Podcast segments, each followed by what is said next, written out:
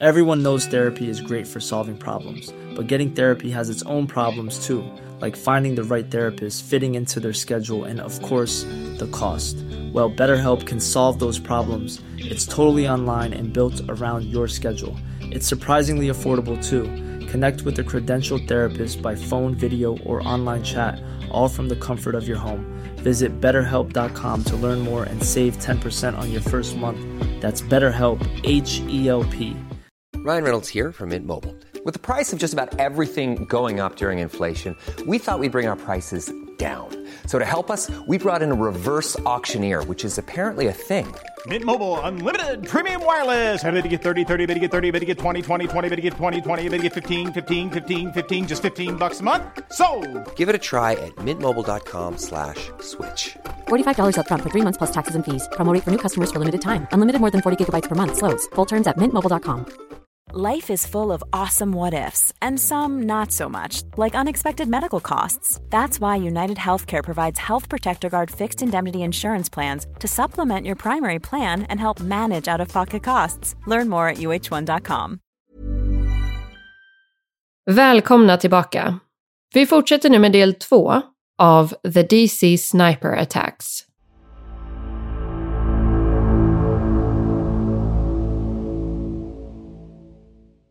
Det som skulle bli början på slutet av den här mardrömmen var ironiskt nog ett telefonsamtal från gärningsmannen själv. Eller gärningsmännen som det senare skulle visa sig. Det var nämligen så att en av gärningsmännen redan den 17 oktober hade kontaktat en katolsk präst via telefon. Han ringde in anonymt och uppgav inte sitt namn, men däremot ska han ha ventilerat om eh, både det ena och det andra. Det här ska inte ha varit för att lindra någon form av dåligt samvete, utan snarare för att skryta om brotten och faktumet att polisen fortfarande inte hade lyckats gripa dem.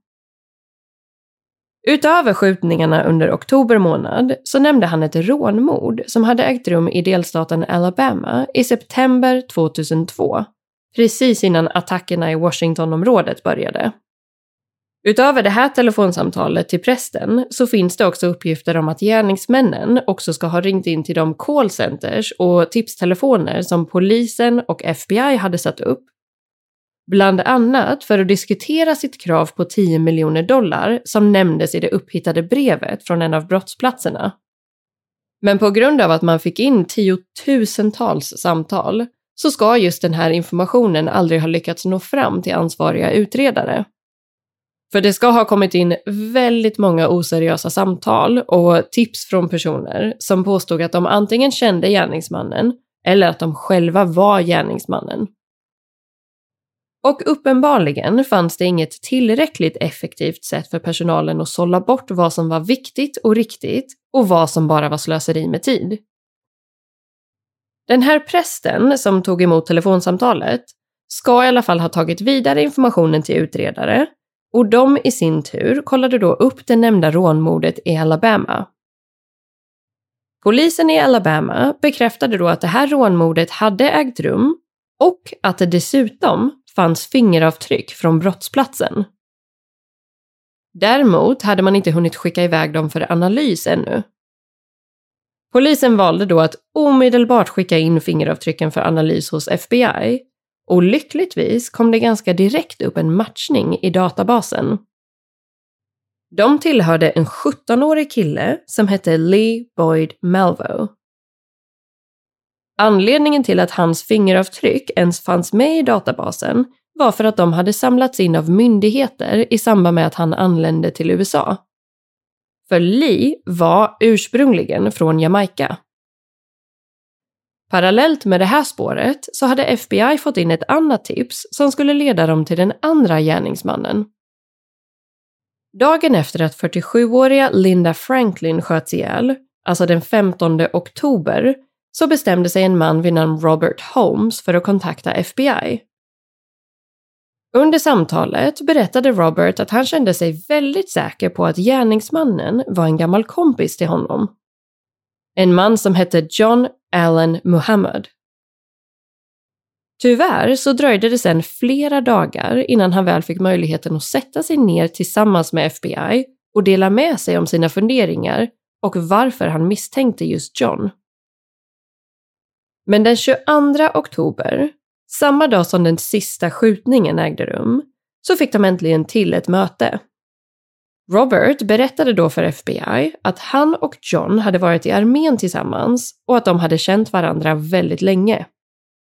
Han förklarade att John var en oerhört pricksäker skytt och att han alltid hade varit en god vän som brydde sig om andra. Men under den senaste tiden så hade John och hans fru haft en pågående vårdnadstvist om sina tre barn. John hade tidigare olovligt tagit med sig barnen utomlands under 18 månader utan att berätta för sin exfru Mildred var de befann sig.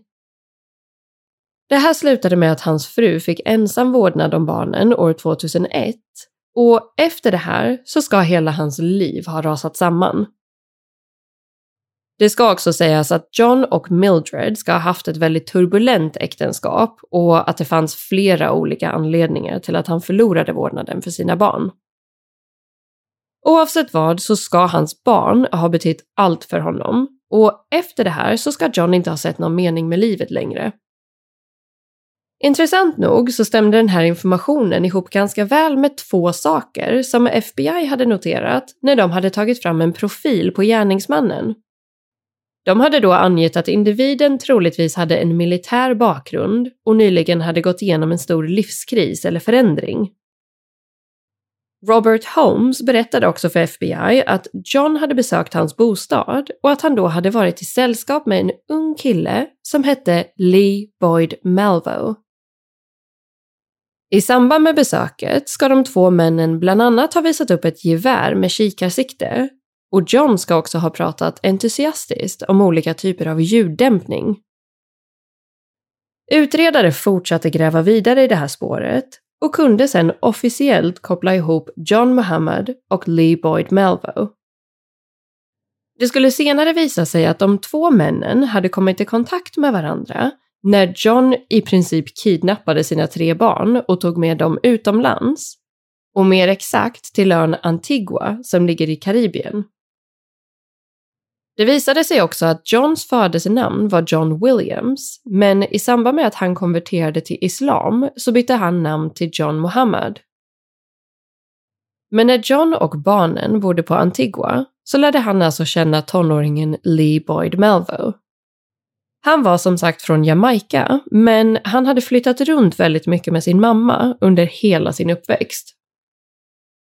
Och det finns en hel del att säga om Lis uppväxt, men kort sammanfattat kan man säga att den var stökig, otrygg och att hans föräldrar hade en dålig relation till varandra.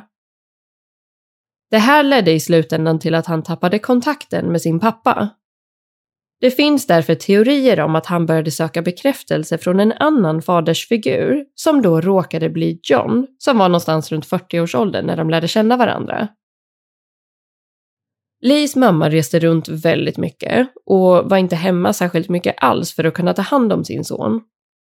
Lee flyttade därför in tillsammans med John och hans tre barn och till en början verkade allt fungera bra. Men deras relation, som har beskrivits lite som far och son, började sedan att utvecklas till någonting helt annat. För John började nu att träna upp Lee till vad som skulle kunna beskrivas som en mänsklig mördarmaskin. Bland annat genom att de övade på att skjuta vapen tillsammans.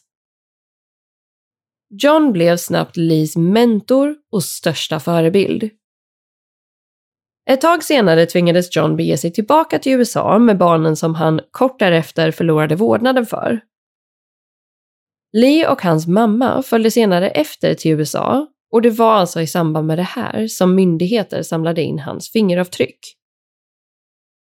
I början av 2002 så återförenades Lee och John och redan här började planer smidas för de attacker som ägde rum under hösten samma år. Det finns en generell teori om att John ville utföra de här skjutningarna med ett specifikt slutmål i sikte. Att mörda sin före detta fru Mildred. Hon hade tagit sitt pick och pack och flyttat till Maryland där flera av skjutningarna senare ägde rum.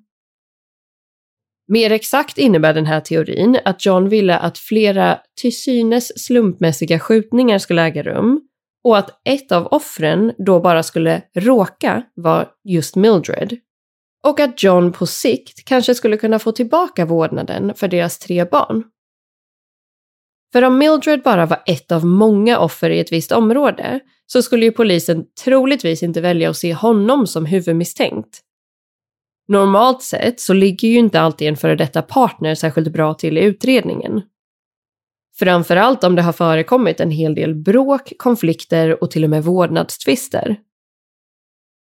Det här är dock ingenting som har kunnat bekräftas, utan det här är bara en av många teorier kring vad det bakomliggande motivet bakom skjutningarna skulle ha kunnat vara.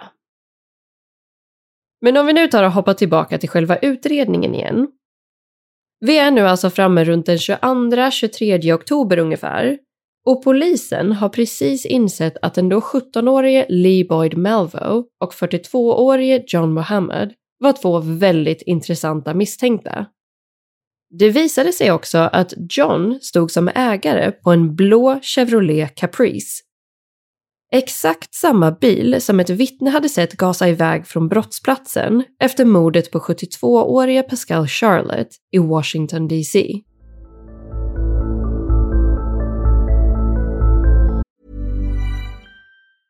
Ryan Reynolds here from Mint Mobile. With the price of just about everything going up during inflation, we thought we'd bring our prices down. So to help us, we brought in a reverse auctioneer, which is apparently a thing.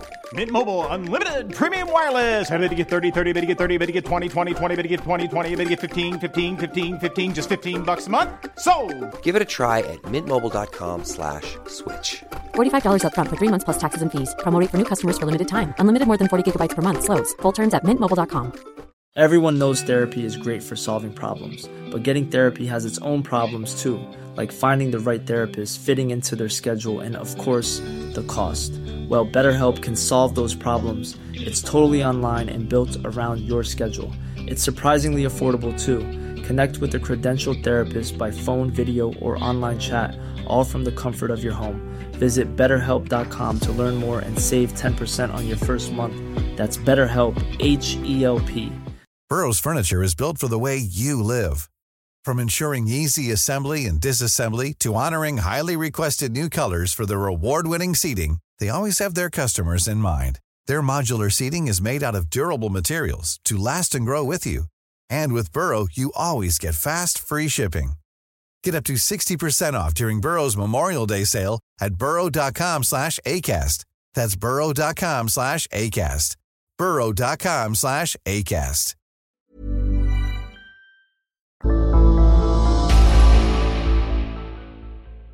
Efter vidare utredning så började polisen känna sig mer och mer övertygade om att det faktiskt var Lee och John som låg bakom skjutningarna.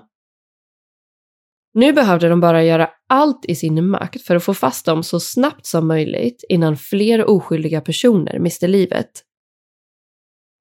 Under kvällen den 23 oktober valde man därför att gå ut till allmänheten med information om att man letade efter en blå Chevrolet Caprice med registreringsskyltar från New Jersey. Folk uppmanades att hålla ögonen öppna och kontakta polisen omedelbart om de såg bilen i fråga. Det dröjde sedan inte alls länge innan en man vid namn Whitney Donahue kontaktade polisen och sa att han trodde att han hade hittat bilen. Han förklarade att han befann sig på en rastplats längs en motorväg i närheten av Frederick County, Maryland. Den suspekta bilen stod parkerad på samma ställe och han tyckte sig eventuellt se någon eller några som befann sig inne i bilen. Det här ska ha varit runt klockan ett på morgonen den 24 oktober.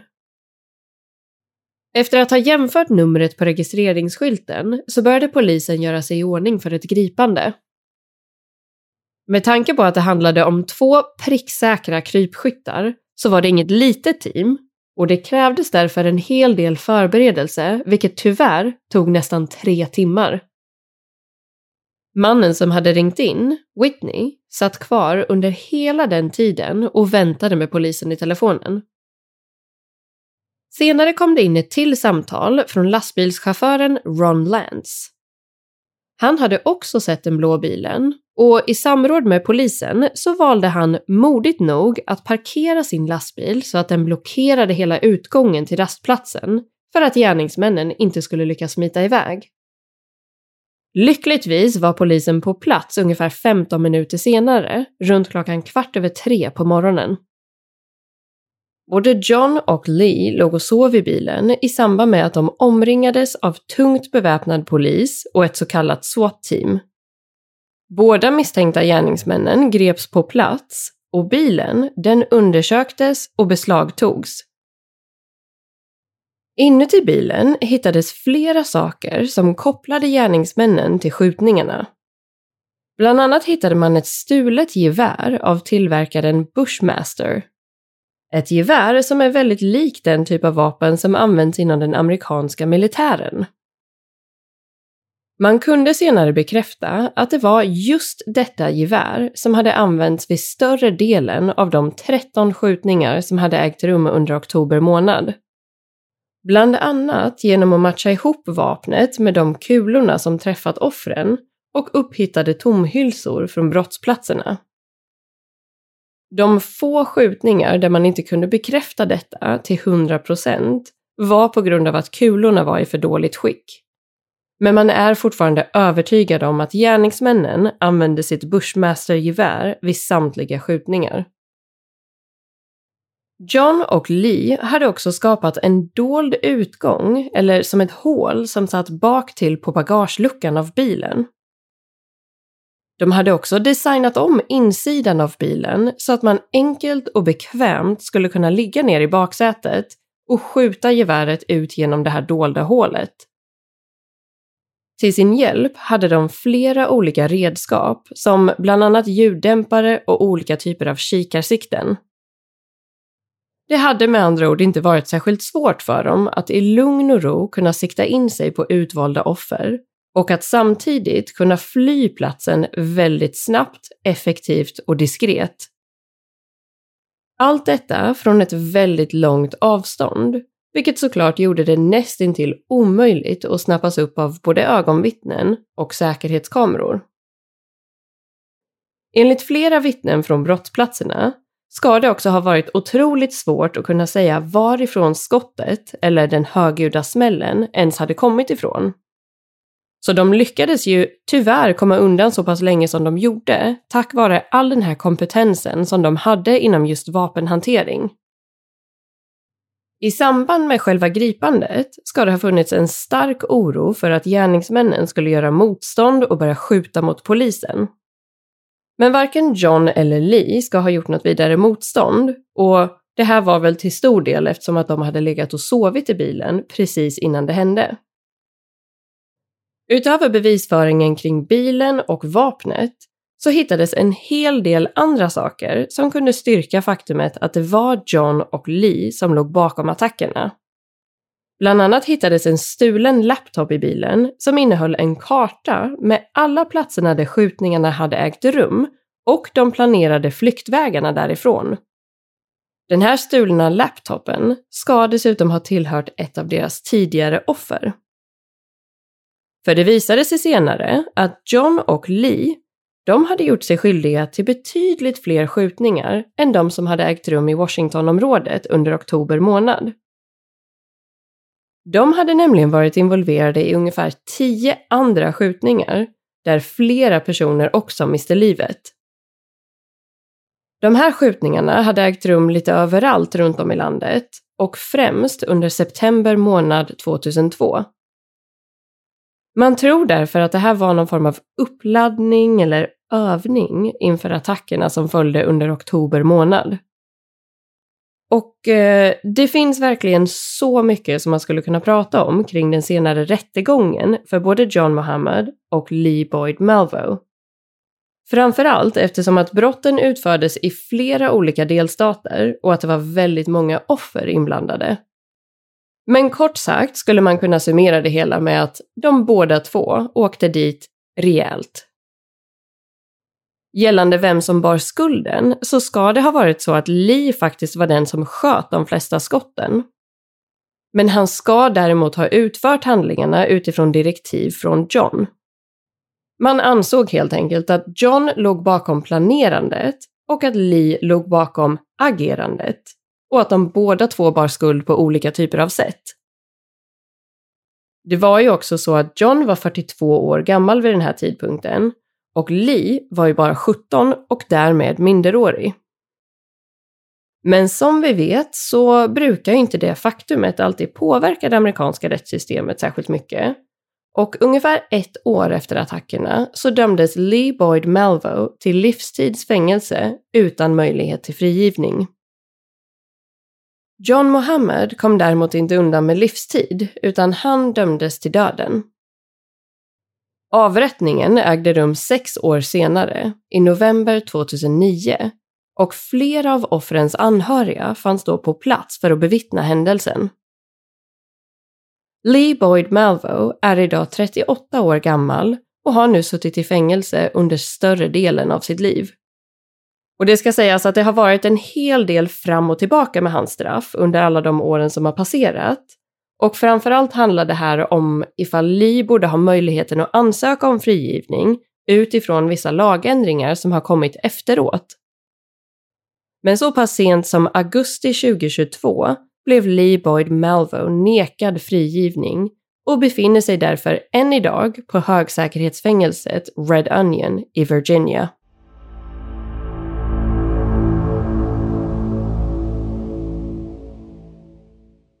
Ja, det här är ju verkligen ett tungt fall att ta del av. För det känns verkligen som att det handlar så mycket om oturlig timing och att alla de här offren bara råkade vara på fel plats vid fel tillfälle. Och så är det ju såklart ofta när olika typer av brott förekommer. Men här handlar det ju verkligen om sekunder och tillfälligheter. Man råkade tanka bilen just där och då eller man råkade packa in alla sina kassar i bilen precis där John och Lee hade parkerat sin blå Chevrolet. Så det är otroligt hjärtskärande när man också läser lite mer om alla offrens historier och hur deras anhöriga minns den här tidsperioden. Och eh, det ska sägas att det såklart finns väldigt mycket mer info att ta del av i det här fallet. Så det här har varit lite av en sammanfattning med ett väldigt stort fokus på det som hände under just oktober 2002. Så om man vill veta mer om allting som hände innan, men också efteråt och kanske mer specifikt om hela rättegångsprocessen och deras motiv, då finns det väldigt mycket information där ute att ta del av. Och jag kan säga att jag personligen hade inte jättebra koll på det här fallet, så förhoppningsvis har ni också tyckt att det har varit intressant att ta del av. Men med det sagt så har det blivit dags att runda av här, men eh, förhoppningsvis så hörs vi igen redan nästa vecka. För då ska vi ju såklart ge oss in på ett helt nytt fall. Så tills dess säger jag helt enkelt tusen tack för att just du har valt att lyssna på det här avsnittet av Rysapodden.